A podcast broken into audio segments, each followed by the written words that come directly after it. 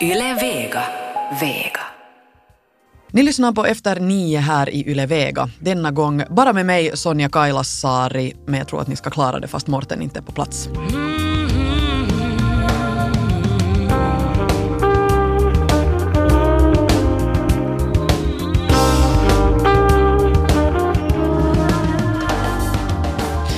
Det här är programmet där vi utmanar våra gäster, och eller så utmanar de sig själva att i en veckas tid testa på att leva på ett annorlunda sätt. Att kanske bryta en vana eller bara ändra på någonting i sitt liv för att ja, eventuellt komma till en förbättring eller en insikt. Dagens tema berör friganism. Vi ska tala om att leva som fregan eller frigan i en vecka. Om, eh, om vi läser på Wikipedia så står det så här. Friganism, eller på engelska freeganism, är en alternativ livsstil som bygger på avståndstagande från konsumism och som innefattar minsta möjliga deltagande i den konventionella ekonomin och minimal konsumtion av resurser. Det engelska begreppet har skapats som en kombination av orden free, alltså då gratis eller fri, och veganism. Och, och vad jag har förstått att eh, så fast kopplingen till veganrörelsen är stark så är alla friganer inte alls veganer eller ens vegetarianer.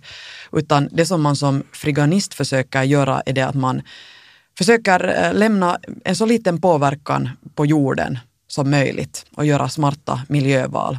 Det kan till exempel inkludera roskisdykning. Men snart ska ni få veta vad annat det också kan, kan inkludera. Veckans gäst som har antagit utmaningen är Efter Nies långvariga matexpert Kenneth Nars som också är matskribent, författare och konsult. Och I det här programmet så har vi alltid också med oss en, en expert på området och denna gång så är det Jessica Suni som är frilansskribent och frigan själv. Men Kenneth Nars har alltså antagit utmaningen att leva som frigan i en veckas tid och eh, nu ska vi få höra honom i Efter nio-studion var han gästar oss alltid, nu som då, på TV. Eh, och det som man gör är alltså man, man tar hela potatisar med skal på som är kokade, eh, lägger dem i en stekpanna med lite stekfett, olja eller smör eller båda två och sen bara klämmer man till dem med handen eller med en kaffekopp. Så steker man dem knappriga på båda sidorna med skalet och, eh, och här alltså får man ju också en liksom eh, lite mjölig, mm. tråkig mm. potatis som, som kanske man inte, som inte är så läcker som det där uppvärmd i en mikro eller i en, vet jag, något annat, så får du en helt ny stekyta, smakar skalet på potatisen är ju bland det godaste. Mm. Uh, och den här flera dagar gammal potatis från kylskåpet faktiskt så blir hur gott som helst med det här. Hjärtligt välkommen efter Nies långvariga matexpert Kenneth Nars. Tack så mycket. Allt i ditt liv kretsar ju kring mat. Det stämmer. Och nu, nu har du en ganska intressant utmaning haft bakom dig. Du har levt på mat som annars skulle kanske hamna i soporna. Och eh, Ja, hur, hur kommer det sig att det här blev just din utmaning? Ja, jag menar det, det som en av de stora frågorna i, i mat, matvärlden och hela den globala, eh, ja, hela världen för tillfället är ju faktiskt hur maten ska räcka, hur våra resurser ska räcka och vilka saker vi kanske främst ska ändra på här i vår, vår där välfärdsvärld för att kunna minska på vårt stora fotavtryck på, på jorden. Mm. Och, och maten är en stor bov där och, eh, och det går inte riktigt åt rätt håll. Vi har många förstås, det finns lite polariseringar här, mycket, sak, mycket bra saker händer, men det finns också många saker som går väldigt, väldigt helt åt, åt andra håll. Vad visste du om friganism innan den här utmaningsveckan? Friganism, eh, jag visste, jag visste nog ungefär, ungefär vad det gick ut på. Mycket, mycket roskisdykande, sen förstås mycket som, som, som jag sen fick snabbt veta var ju att, att det handlar hemskt mycket om kanaler, hur man kommer åt de här, den här så att säga maten som, som är svinn. Nå, hur gick du tillväga? Jag gick tillväga så att jag, ehm, jag blandade, jag måste säga, jag var nog inte en uh, perfekt fregan. Det är jag inte. Absolut inte. Det blev ganska lite roskisdykande.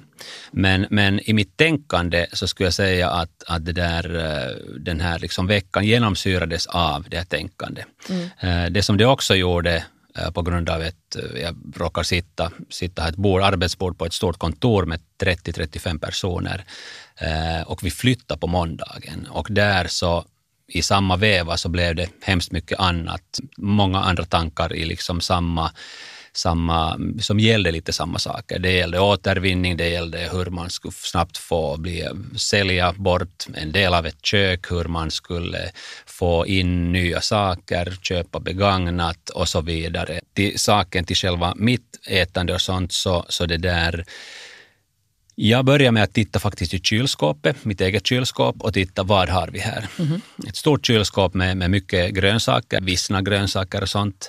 Och där så tittar jag snabbt att okej, okay, att vad, är, vad är gammalt här? Vad, vad skulle kunna åka i rosken? Men eh, ingenting av det åkte i rosken. Mm.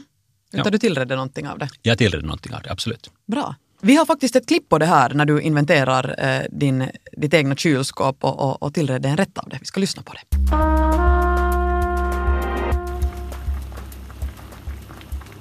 Här kokar vitkål för en restmatsgratäng. Gamla champinjoner, gamla ägg som har varit i kylskåpet. De borde vara helt okej. Okay. Eh, så har vi lite ostbitar som ser ut att vara lite trötta och sen har vi en eh, kålen som kokar alltså.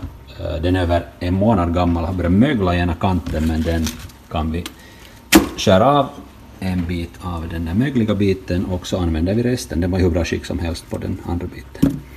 Eh, och lite vissen broccoli som också får plats där i gratängen. Och här har vi resultatet.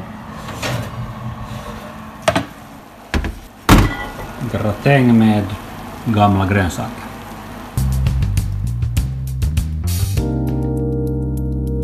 Jag gillar det här att grönsaksgratäng på gamla grönsaker. Det skulle inte riktigt passa som rubrik i en, i en kokbok kanske. Nej, det stämmer. Det är intressant, och, speciellt med, med, med barn, tänkande, tänkande ungdomar i, i hemmet så, så sådana här saker är hemskt roliga att, att, att utbyta meningar och diskutera med, med dem. Men de frågar alltid, är det här gammalt? Är det här gammalt? Kan man äta det? Och så tittar de på datum. Och jag säger alltid om det är mjöl, om det är ägg, om det är mjölk, om det är yoghurt, om det är mjölkprodukter, syrade sådana speciellt. Så jag menar, de är ju ofta, har de gått över datumet. Mm. De är ju ätbara. Mm. Det är bara att var ska vi sätta ribban? Precis, och här får man nog lita på sin näsa. Absolut. Alltså det är ju det som Absolut. sägs att om, nu känner man av om någonting doftar lite surt som inte ska dofta surt. Ja, ja. Och det där, just att göra sådär precis som du sa. Och sen, sen jag menar, jag, jag faktiskt, eh, det här, det här är förstås ett extremexempel, men jag var en gång på en matresa till Färöarna. Eh, Färingarna är, är, det där, det är ett fantastiskt ställe, men de, är, de har en av världens märkligaste matkultur, eller ett fenomen, och det är den syrade, icke-saltade, syrade proteinerna, alltså animaliska proteinerna. Eh, sjöfågel, lamm, Eh, fisk, eh, allt sånt här. Eh, de har en genomsnittlig temperatur på 6 plusgrader och en salt havsluft. Nå, det som de gör att eftersom man för 500 år sedan inte ännu hade salt så hängde man bara upp dem och torkade dem i den här lite svala luften. Nå, de möglade ju lite och, och torkade och sen åt man det och det fick ju en lite speciell, mycket kraftig smak det som man sen, då man fick saltet så hade tillgång till det, så tänkte man att det är onödigt, vi får inte den här smaken. Mm. Så det som man gör är att man har en kultur, en, en gastronomi där man använder mycket av kraftigt syrade, fermenterade eh, djurproteiner. Eh, och då jag frågade en professor i livsmedelsteknik, eh, som jag satt bredvid på middags, frågade att är inte livsfarligt att äta det här? Så sa han, men hör du, det finns ingen djurprotein som, som liksom hur rutt rutten eller fermenterad den än är. Så det finns ingenting som du inte kan äta med trygghet efter en eller två timmars kokning och upphettning. Mm. Det här kanske stämmer, jag ska inte rekommendera lyssnarna att kanske göra det här hemma.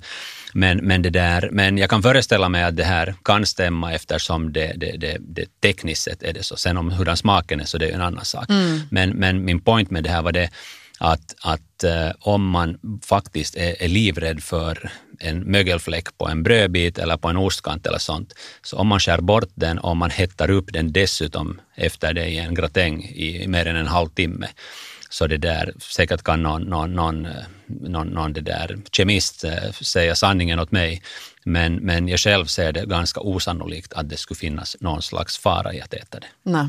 Det här är en generationsfråga. Vi har liksom en sån här rörelse nu som är för det naturliga, för det närproducerade, för det hemproducerade, för gårds, urban odling och så vidare. och så vidare. Eh, vegetar, vegetarisk mat och så vidare. Men, men det som ibland förvånar mig just att den, den här unga generationen då i 20-årsåldern, så vissa av dem där de har ädla och och fina värderingar gällande eh, sådana här saker. Så samtidigt så går de sen till den här vegetariska delin och köper en uppsättning importerade grönsaker, eh, importerade gryn och så köper man en stor flaska asiatisk eh, juice eller kombucha eller någonting.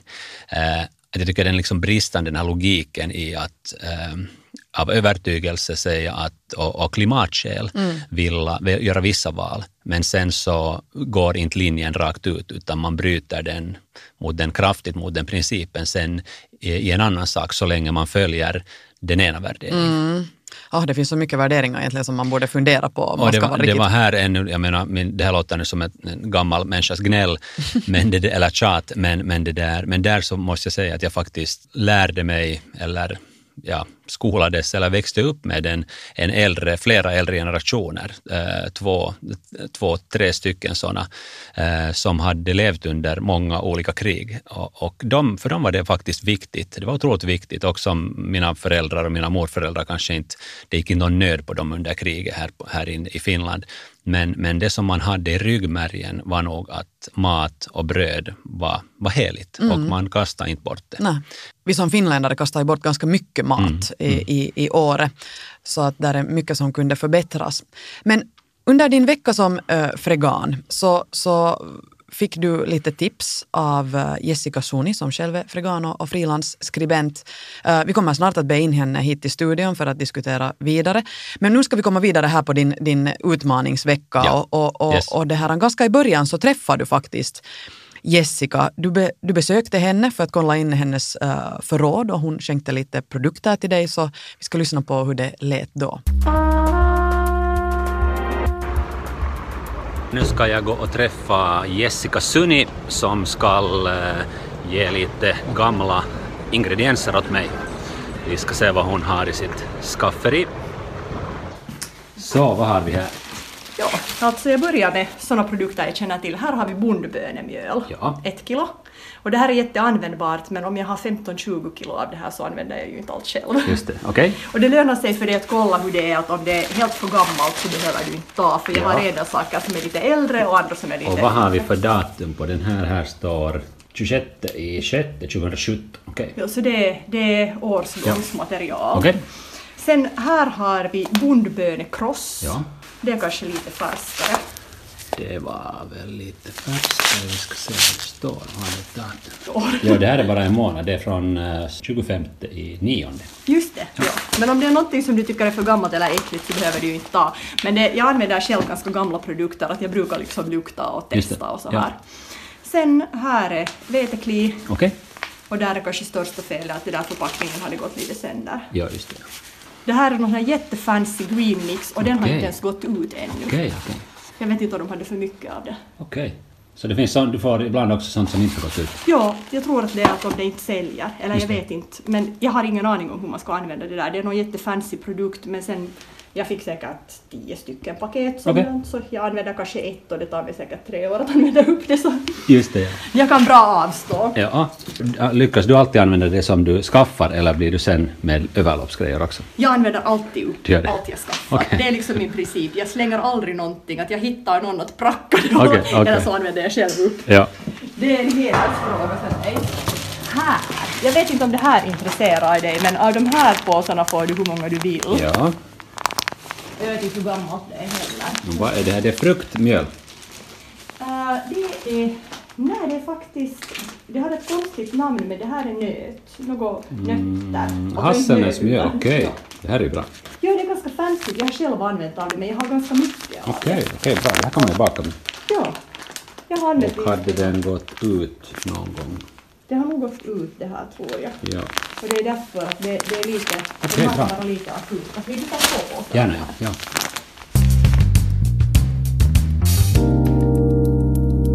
Där hörde vi alltså veckans expert Jessica Suni som snart kommer in i studion hit. med uh, Kenneth Nars, vår uh, efter nies matexpert som har antagit utmaningen att leva som fregan eller frigan under en veckas tid. Nå, efter det här besöket hos Jessica, använde du dig av råvarorna? Vad gjorde du? Eh, jag har, använt, jag har använt mig av dem, ni ska få höra, om en stund ska ni få höra vad jag har gjort med dem. Eh, men, men det där, de, de har hedersplats faktiskt på, på, på vår, vårt köks, köks eh, bredvid spisen fortfarande, alla de här påsarna. Jag har lovat dyrt och heligt att jag kommer att använda dem. Det var fina grejer faktiskt. De här nötmjölen, jag fick ett kilo eller två av hasselnötsmjöl, åt det senast i, i morse och det där faktiskt tvingade min son också att äta det med mm. yoghurt i morse. Um, han var lite skeptisk men sen åt han det snällt. Varifrån var det alltså hon hade fått alla de här produkterna? Eh, hon har en, en bra kanal som mm. hon får eh, över lopp sådana eh, som hon inte, och, och de här grejerna förstår jag att hon inte eh, hämtar från roskisar utan hon får dem direkt från en, en butik. Just det. Eh, men, men det viktiga liksom här, här var ju det som det visade sig just med Jessica också, att man har en bra kanal, det förstås, det, det, det, går, jag var faktiskt i, i några roskisar var jag och, och tittade, både i en, en S-market och en, en K-affär. Eh, båda butikerna som var alltså nära oss i Esbo så, så hade alltså stängda roskisar. Okay. Så jag blev utan den här eh, roskismaten faktiskt helt och hållet, vilket, vilket jag tyckte var synd. Det var, det var lite synd, men ja. vad fanns det för andra sätt att, att leva enligt, enligt den här idén? Under den senaste veckan så har jag använt mig av 100 40 kilo äpplen okay. som uh, skulle ha ruttnat om jag inte skulle ha plockat dem. Okay. Uh, hos grannar, ja. det vill säga äppelträd som bara står på gårdar. Jag gick faktiskt och jag stal inte dem utan jag gick och frågade grannarna, en gammal dam, att, att ursäkta det fina äppelträdet som var fullt med, med sådana vinteräpplen. Så frågade jag att får jag plocka dem? Så sa han att jo, titta lite skeptiskt på mig. Jag sa, ja men förstås att det är ju det, det, var, det var intressant att se hur den här inställningen till sådana saker, egendom, alltså mategendom som står och finns och håller på att så att säga fara illa. Så, mm. det där, så, så jag plockar faktiskt, jag pressar alltså juice av, av, av den här, för äpplena till ett musteri och, och pressa juice som jag gör cider av. Okay. Och, och, det här intressanta, bara den här tanke, tankeexperimentet eller tanken om att, att det faktiskt, allt den här, den här 140 kilo av den här frukten så fanns där och den höll på att falla till marken och blev ju ett problem mm. som skulle krattas, man skulle arbeta, äh, sätta tid på det, äh, antagligen sätta det i en roskis eller i, en, ett biokärl som ska föras någonstans och egentligen inte, ganska, inte är så hemskt lämpat ens för det.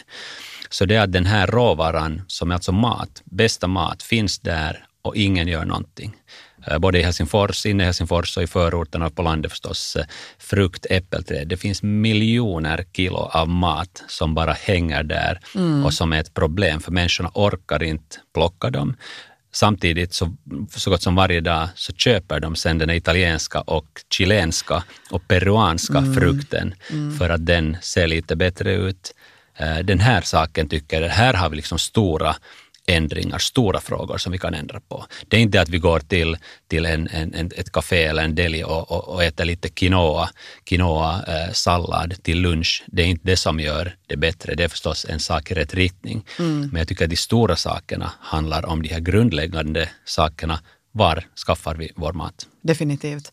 Nej, det där är en, en jättebra point och, och, du sa att vi inte orkar men det finns också säkert en bristfällig kunskap i det här att hur Ab vi ska göra. Absolut. Och det, och det, lite ta reda på. Absolut, och det är det som är det konstiga att människor tittar på ett äppelträd på sin parkeringsplats och kör, kör till jobbet och, och, och så plockar de upp en Tropicana äppeljuice och, och, och köper ett, ett, ett Granny Smith-äpple från USA. Men, men tanken att ta i det där äpplet från trädet, vilket jag gjorde, eller skaka om det och så föll det ner mm. 20 kilo frukt åt gången. Så den tanken, vi, vi är så fjärmade från den här tanken att människorna tittar på det äpplet och tänker att nej, men det där kan man ju inte äta. Man kan ju antagligen inte äta det där. De utgår från det. Precis. Tack så här långt Kenneth Nars. Nu ska vi be in eh, din coach för det här projektet, det vill säga projektet att leva som frigan eller fregan i en veckas tid. Vi ska be in Jessica Suni. Hjärtligt välkommen Jessica Suni. Tack. Du är frilansskribent och själv fregan och du har coachat Kenneth här under veckan som gått. Vi ska snart gå in på Kenneths, ut, Kenneths utmaning och hur han klarar sig. Men före det, vill du berätta lite hur eh, freganismen syns i ditt liv och hur länge den har funnits där? Det är en bra fråga, för det är en sån här sak som jag inte tänker så där hemskt aktivt på. Jag har nämligen varit fregan, eller dykande vegan, lite beroende på vad, vad man vill använda för definition, i nästan 20 år. Så det är på det viset en ganska naturlig del av det sätt jag lever på. Eh, jag kan också berätta att det har ändrat en del under de här 20 åren. Då i början så var det ganska mycket det att jag drog på mig gummihandskarna eftersom jag ändå är lite sådär fin av mig. Jag tycker mm. inte om att gå och gräva i roskisar med bara händer. Och det där. Så jag gick till roskisen då och där så dök, dök jag fram den mat som, som jag ville ha. Och det var aldrig som man behövde gå tomhänt hem. Men mm. att det har ändrat en del. För att i dagens läge så är det vanligare tycker jag att de låser roskisarna. En annan sak som har ändrat är också den här attityden. För tillfället så skulle jag säga att jag predyker mer än dyker. Mm. Det, här är, det? Nå, det här är ett ord som jag själv hittar på. Nå, det betyder att jag, jag tar emot mat som är på väg till roskisen innan affärerna hinner slänga bort den. Okay. Och jag har då en sån här Eh, det beror på, jag har ibland haft lite flera källor. För tillfället har jag en mycket bra källa där jag får ganska mycket mat. Mer mat än jag själv behöver. Så, men, men den här källan så vet att jag kan distribuera det vidare och det är därför som jag får den här maten. Så du har en mullvad någonstans i någon butik? Precis. men jag, jag börjar direkt tänka så här helt ekonomiskt. Hur, hur mycket pengar sätter du på mat eller sätter du alls några pengar på mat under en månad? Jag sätter nog pengar på mat, för det är ju inte alltid så att man får precis det där som man skulle vilja ha. Mm. Att till exempel då när jag roskisdykte konkret, eller när jag gör det, så, så hittar jag vanligen bröd och bananer. Och det är ju jättebra, men om man har 50 kilo bröd och 50 kilo bananer så det blir lite ensidigt kanske. Så man är nog också tvungen att köpa en del. Och hur tänker du då när du, när, du, när du köper mat? Att vad är det du sen skaffar och hur kan det på något sätt understryka den här ideologin? No, jag köper förstås veganiska grejer men mm. också försöker jag satsa på att de ska vara ekologiska och inhemska i möjlig mån. Och fair trade ifall det är, ifall det är någon annanstans ifrån. Att det, det är sånt som jag inte, inte det här pruta på. Mm. Jag, jag, jag, antog också att du, du följde de här värderingarna eller valen och, och, det var där just som det var så, så märkligt då vi gick till din källare, ditt skafferi och, och, och rota i de här sakerna som var, som, som du sa, också jätte liksom lyxiga, sydamerikanska märkliga pulverna och sånt som vi inte riktigt kände till ens och sen sådana här vackra fina små limonadflaskor med något juice med något örter i som sen kommer från England eller Holland och sånt. Så det var lite, lite jag, jag menar jag förstår, jag, jag, jag klandrar inte dig för det, men det är ju intressant just att att man i en sån här butik, kanske med goda värderingar och intentioner, så har man som en, en väl säljande produkt så har man de här, för mig kanske lite märkliga safterna och sånt som flygs långa vägar i tunga glasflaskor och sånt. Och så blir de osålda. Jo, eller det kan ju hända att de inte är så välsäljande just, just det, eftersom, just det, ja. eftersom mm. de ja, hamnar hos ja, mig. Ja. Men, det, men, det där, men som sagt, jag menar, de skulle ju antagligen hällas ut eller krossas om, om du inte skulle ta, ta hand om dem. Ja, ja alltså, jag vet inte vad som skulle hända med dem. Men att det jag är rädd för är ju att allt det här skulle slängas bort och gå till spillo. Ja. Och då har det varit för mig att jag har varit tvungen att lära mig att använda lite konstiga produkter. Eller hitta någon som kan använda dem. Du har lyssnat på Kenneth här innan och, och, och, hur han har levt under den här veckan som gått. Ni träffades också faktiskt en gång. Hur reagerar du på, på det som Kenneth sa här? Vad är min dom? jag tycker att det låter riktigt bra. Att det som jag tycker kanske att var lite ledsamt var det, men jag var inte förvånad över det, att du aldrig kom åt att roskisdyka. Ja, ja. Du berättade att de här ja, roskisarna var låsta. Men att jag skulle säga att det här är ganska vanligt i dagens läge. Man måste veta vart man går. Och när man går till de här vissa ställena där det brukar finnas mat och där roskisarna är öppna så är det inte alltid säkert att det finns mat. Ja, det. Och det här är någonting som har ändrat under de här närmare 20 åren som jag har varit fregan. Mm. Och det som jag sen gjorde igår faktiskt på den här S-marketen där jag var och tittade på, på baksidan Eh, och roskisarna var helt och hållet stängda. Och sen gick jag in i butiken och där så, så fanns det sen också en, vi åt faktiskt eh, köttfärsbiffar igår, vilket vi som sagt, jag vill poängtera att vi inte äter så, eh, faktiskt inte så ofta. Men, men där hittade jag ju en hel rad med, med kött som hade den här orangea eh, dekalen på sig med 30 procent och den gick alltså ut igår kväll. De här skulle alltså, om de inte är sålda klockan nio så slänger de ju bort dem. Mm. Så där kan man ju göra både ett ekonomiskt och ett, ett lite smartare liksom, eh, ja, klimatfreganaktigt val genom att ta de här som annars är svinn. Det här är en jättebra poäng tycker jag. Och med tanke på det att för många människor kan det kännas ganska motigt att tänka att man ska gå och gräva i roskisen. Mm. Fast jag vill poängtera ja. att ja. våra roskisar i Finland är mycket renare än många matbutiker utomlands. Det beror lite på vart man går, men på riktigt, vi har väldigt hygieniska roskisar. Ja. Och, och det, liksom, det som jag tyckte var, var det viktiga var ju som, som jag imponerad av för att du hade din den här, du har dina kanaler som du får de här råvarorna. Det kommer ofta liksom mycket grejer åt dig. Um, och så du har ett välförsett skafferi. Medan till exempel det här köttet, så jag menar då det var på 30 procents rabatt och gick ut igår kväll så köpte jag två paket och slängde ett i frysen. Där håller det ju säkert då i ett halvt år. Mm. Att, att, det där, att göra de här liksom lite större köpen eller anskaffningarna ska vi säga på en gång. Just jag menar, får du en fem kilos säck med någon mjöl som har gått ut så, så det där, varför ska man inte ta det? Hur ska man Jessica få veta om de här eh, kanalerna? No, ett sätt är till exempel att ta kontakt med mig. Det, det var ganska många gör. Alltså, fin, Svenskfinland är ganska litet sist och mm. slutligen och det har varit jättemycket folk som har varit i kontakt på det viset att hej, du känner inte mig men vi har en gemensam kompis och jag hörde av henne att du dyker, skulle du kunna hjälpa mig på traven? Um, ett annat sätt förstås så är ju att man bara går själv och kollar. Att mm. man helt modigt går och kollar, man vet att man har kanske då en närbutik och att de antagligen slänger bort grejer. Kollar in deras roskisar eller sen om man känner sig lite mera modig så kan man ju gå in och fråga att har ni sånt som ni slänger bort? Att skulle det vara möjligt att, att kunna få innan de slänger bort det.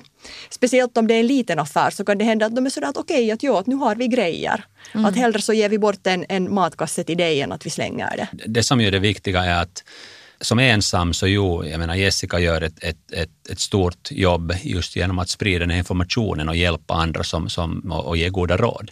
Men, men det som man just kan göra där man får den stora styrkan är ju just eh, i, i, i stora grupper på ett kontor. Eh, jag menar om man jobbar på en stor arbetsplats så det är ju bara att liksom börja köra ut den här, den här åsikten och fråga, kanske inte, man behöver inte vara så radikal i en början åtminstone, men man kan göra små ändringar. Man kan säga hej, um, finns det ingen återvinning här? Och hej, att ska vi försöka minska på svinnet här? Och hej, vad händer med fruktkorgen då äpplena blir lite gamla? Att här är en blender här bredvid, att varför slängs de här äpplena då de är mm. lite mörka? Kanske vi kan skala dem och göra en smoothie på morgonen som man häller upp åt 20 personer. Utan man utgår bara från gammal mat, släng, gammal mat, släng, mörk banan, släng. Eh, och då kan man göra liksom smoothien, man kan frysa ner dem, man kan göra banankakor, bananbröd, vad som helst. Det där är jättebra resonerat. Vilka andra tips har ni för, eh, för de som är intresserade att, att leva som, som freganer? För det finns ju alla möjliga väl appar och grejer också som man kan, man kan ty sig till. Berätta lite Jessica. Ja, alltså, jag har inte egentligen själv kopplat det här så mycket till freganism men att det här är någonting som jag tror att det är ganska lätt för många att använda. Det finns sådana appar om man har en smart, smarttelefon. Via det här till exempel finns Rescue och Lunchy åtminstone två sådana app appar via vilka man kan beställa mat från restauranger som sån mat som de annars skulle slänga bort. Det stämmer, det, det, var en jättebra grej som kom här för ganska nyligen. Var det väl? Jo, det är för ja. några år sedan. Ja, ja. Och man får då alltså restaurangmat till ett mycket billigare pris. Det är en superbra idé. Ja, att det som jag tycker att om man får kritisera, det som är ett litet minus är att det blir ganska mycket sådana plastbyttor yep. och plastpåsar. Yep. Yep. Och det här som jag tycker själv, den här liksom freganismen, så, så jag menar den, den även om jag, jag själv inte gällande den här maten inte, definitivt inte, inte kanske fick, fick fulla poäng, eh, men, men det som jag, för mig så tycker jag att jag liksom, jag vill förena hela det tänkandet med allt annat, med alla andra saker, föremål, förpackningar, återvinning och sånt. Eh, och det är där som jag än en gång säger att då man är en grupp eh, så, så har man så mycket större styrka, vare sig det är en scoutkår, ett dagis, en arbetsplats, en släkts sommarställe, eh, ett, ett husbolag, jätteviktig grej. Jag menar, tänk de, de, om man har överloppsmat. Jag menar, en gång så, så hade vi vi hade, det var fastlagsbullar på något, på något kontor och så blev vi med en låda med tio sådana. Vi tog hem dem till vårt husbolag, så gick man och knackade dörr och snabbt så gick de ju åt där. Att, att det där som den här, den här gällande föremålen och sakerna, så det är där just som det här lånande, hyrande, köpande av begagnat, det är där som man ju kan göra jättestora skillnader. Och sen som sagt, jag menar med bara de här miljövalen, om, om ni tittar på ett kontor inne i centrum eller nära en, en, några restauranger och sånt, vad som händer efter lunchen, det är ett, ett berg av plast och kartong mm. som oftast är osorterat som blir där. Och det här är alltså bara helt enkla sallader och sandwichar och, och maträtter. Så där tycker jag absolut att en mycket viktigare, vettigare grej där är ju det att då du nu går till den rest asiatiska restaurangen till exempel, så sätt dig nu ner där och det där med dina kollegor eller ensam och ät där på plats och lämna noll eh, avfall efter mm. dig eftersom du äter på riktiga tallrikar. Det är en bra poäng där också. Men jag tror tyvärr att det, när det är fråga om sån här mat som de annars skulle slänga bort, så där tror jag att man inte har den här möjligheten att, att sätta sig där, även om nej, det skulle vara nej, bra. Det Men att det som skulle vara det som man kunde göra så är det att om man skulle kunna köpa egna kärl eller någonting. Men förstås, så, nu ska jag inte liksom klaga för mycket, det är ett stort steg framåt ja, där ja, att, att ja. de säljer, säljer maten billigare snarare än att slänga bort den. Men att det, det kunde ännu utvecklas vidare. Mm. Ja. Sen kommer jag att tänka på här av, av någonting som Kenneth sa tidigare, att det finns ju i Arabiastranden åtminstone här i Helsingfors, så har de haft ett sånt här allmänt skafferi. Exakt, ja. jag läste om den. Ja. Ja. Alltså ett kylskåp, eller som jag har förstått så finns där ett kylskåp dit folk i grannskapet kan föra sån mat som de inte själv använder. Mm. Och så finns det kanske också hyllor för torrfoder. Och då kan man, om man behöver mat så kan man komma dit och, och och hämta mat åt sig och om man har överlopp så kan man föra ja, dit ja. av sin mat. Och det tycker jag är ganska sympatiskt. sympatiskt och, på tal om, och på tal om det här, så den viktiga saken som ju hände för bara en månad sedan var ju att vi fick en, en sån här äh, matsvinnsbutik som du rekommenderar åt mig. Ja. Som ligger i köpcentret äh, österut i, i Fiskehamnen. Jag har inte själv hunnit vara dit, men ja. hann du vara dit? Jag var där, ja, absolut. Jag var där för, för, för i början av veckan. Äh, det är alltså en ny butik äh, dit butikerna, bland det stora parti, torgsbutiken i Helsingfors, så varje morgon så åker den här människor från den här butiken till de här stora affärerna och tar, över, tar emot matvaror som håller på att gå ut eller som de har för mycket. Och det är ganska varierande det här utbudet i den här butiken, men, men där fanns lite vissen sallad, där fanns enorma stora pumpor som hade, en av dem hade en liten mögelfläck på, mm. på det där kälken. Där fanns, frysen var full av eh, franska chokladkakor som hade det där, datum hade gått ut, men alltså det är fryst mat. Och fryst mat som går ut, så jag, jag menar jag skulle definitivt, jag, jag köpte en del av dem och tog hem dem nötter, påsar med mandlar som går ut i januari. Otroligt ja. intressant att det händer så mycket i världen. Ah. Ja, här kommer en liten överraskning. Eh, jag Jaha. tänkte nu att, okay. för att för att sona mina, inte mina brott, men, men det att jag nu inte fullt följde ut det här så har jag bakat en kaka åt er här okay, i, i morse. Här kom alltså vår, vår eh, redaktör Annika in med en helt otroligt läcker kaka. Det, det här, Kenneth, vad är det här? Det här är en, en, en, eh, en roskkaka som jag skämtar hemma. Nej, det här är, det här är en, ehm, det här är ganska långt faktiskt en, en frigan kaka. Eh, det är alltså en äppeltårta som är gjord på två veckor gamla ägg, men de har varit i kylskåpet. Jag mm. kollade dem, de var hur bra som helst. Äpplen så var jag i morse faktiskt, jag var ute med hunden, så plockade jag från den här gamla fruns träd. Mm. Det fanns mycket äpplen kvar där. Eh, sen var det smör faktiskt, fick jag av eh, mina föräldrar, de åkte ut på en resa, så var det smör som höll på att gå ut. Nu, eh, hälften av mjölet här är Jessicas hasselnötsmjöl som hon gav åt mig, som wow. hade gått ut. Mjölet eh, Resten av vetemjölet som är faktiskt MR-mjöl från en liten gård, den var, det mjölet var fyra månader gammalt i mitt eget skafferi. Och jag tror att det ungefär var det Wow, det här ser superbra ja. ut. Vill du servera åt oss Kenneth, lite kaka? Så det finns kunna... smör i den här så Jessica... Ja, och ägg också. Ja. Men, ja, men det. det doftar jättegott och bra. den ser vacker ut. Ja, så. precis. Eftersom du är vegan så äter du inga animaliska produkter. Sonja får agera. beundra den. No, men beundra, det, det är ögonmat också kan jag säga så här med, med, med handen på hjärtat när jag ser det här. Men under tiden som Kenneth serverar här så Jessica, är det ännu någonting som du skulle vilja tillägga här? Någonting som inte blivit sagt? Det här, det jag kommer att tänka på ännu, förutom den här butiken i, i det här Ready som det var tal om. Så att det finns på nätet också, jag tycker de heter Matsmart och Fixuruoka åtminstone, sådana nätbutiker via vilka man kan köpa mat som som, det här, som de har köpt upp då tycker jag i parti och som annars skulle, skulle ha väl hamnat i roskisen och som de säljer förmånligt. Mm. Så det är, det är någonting man kan göra var som helst i Finland då, att man kollar att vad har de på Fixuruoka, vad har de på Matsmart och sen så köper man därifrån. Mm. Att det är lite sånt här predykande. Mm. Och det är sånt som jag tror att kan vara lätt för folk att göra som inte skulle vara beredda att gå och rota i roskisen. Sen om man bor i Helsingfors så finns här ju också åtminstone en sån här matsvinnsrestaurang, Loop, där de då lagar, lagar mat på såna ingredienser som skulle ha slängts bort. Ja. Och den där maten är jättegod. Ja. Kenneth, den här kakan är otroligt god. Tack du, för du är inte rädd för att, för att datum hade gått ut på? Nej, jag, jag, är inte så jättenoga med det där. Jag har börjat lita på min näsa. Och jag tror det har att göra med min, med min farmor som, som jag har spenderat mycket tid med. Så hon var aldrig hemskt noga med det här med datum och så mm, vidare. Mm. Och då har man liksom lärt sig lita på att man kan lita på sin egna näsa och se med sina egna ögon ifall någonting inte mera är ätbart. Tack till er för det här. Det här gav jättemycket insikter. Som vi märkte så handlar det inte bara om mat utan det handlar också om förpackningar och sorteringar och det är liksom en ideologi som på något sätt breder ut sig på ett så vitt och stort fält och det håller på att hända, hända en massa intressanta saker inom det här. Vi lever riktigt på något sätt inom någon slags revolution kan man väl säga. Ja.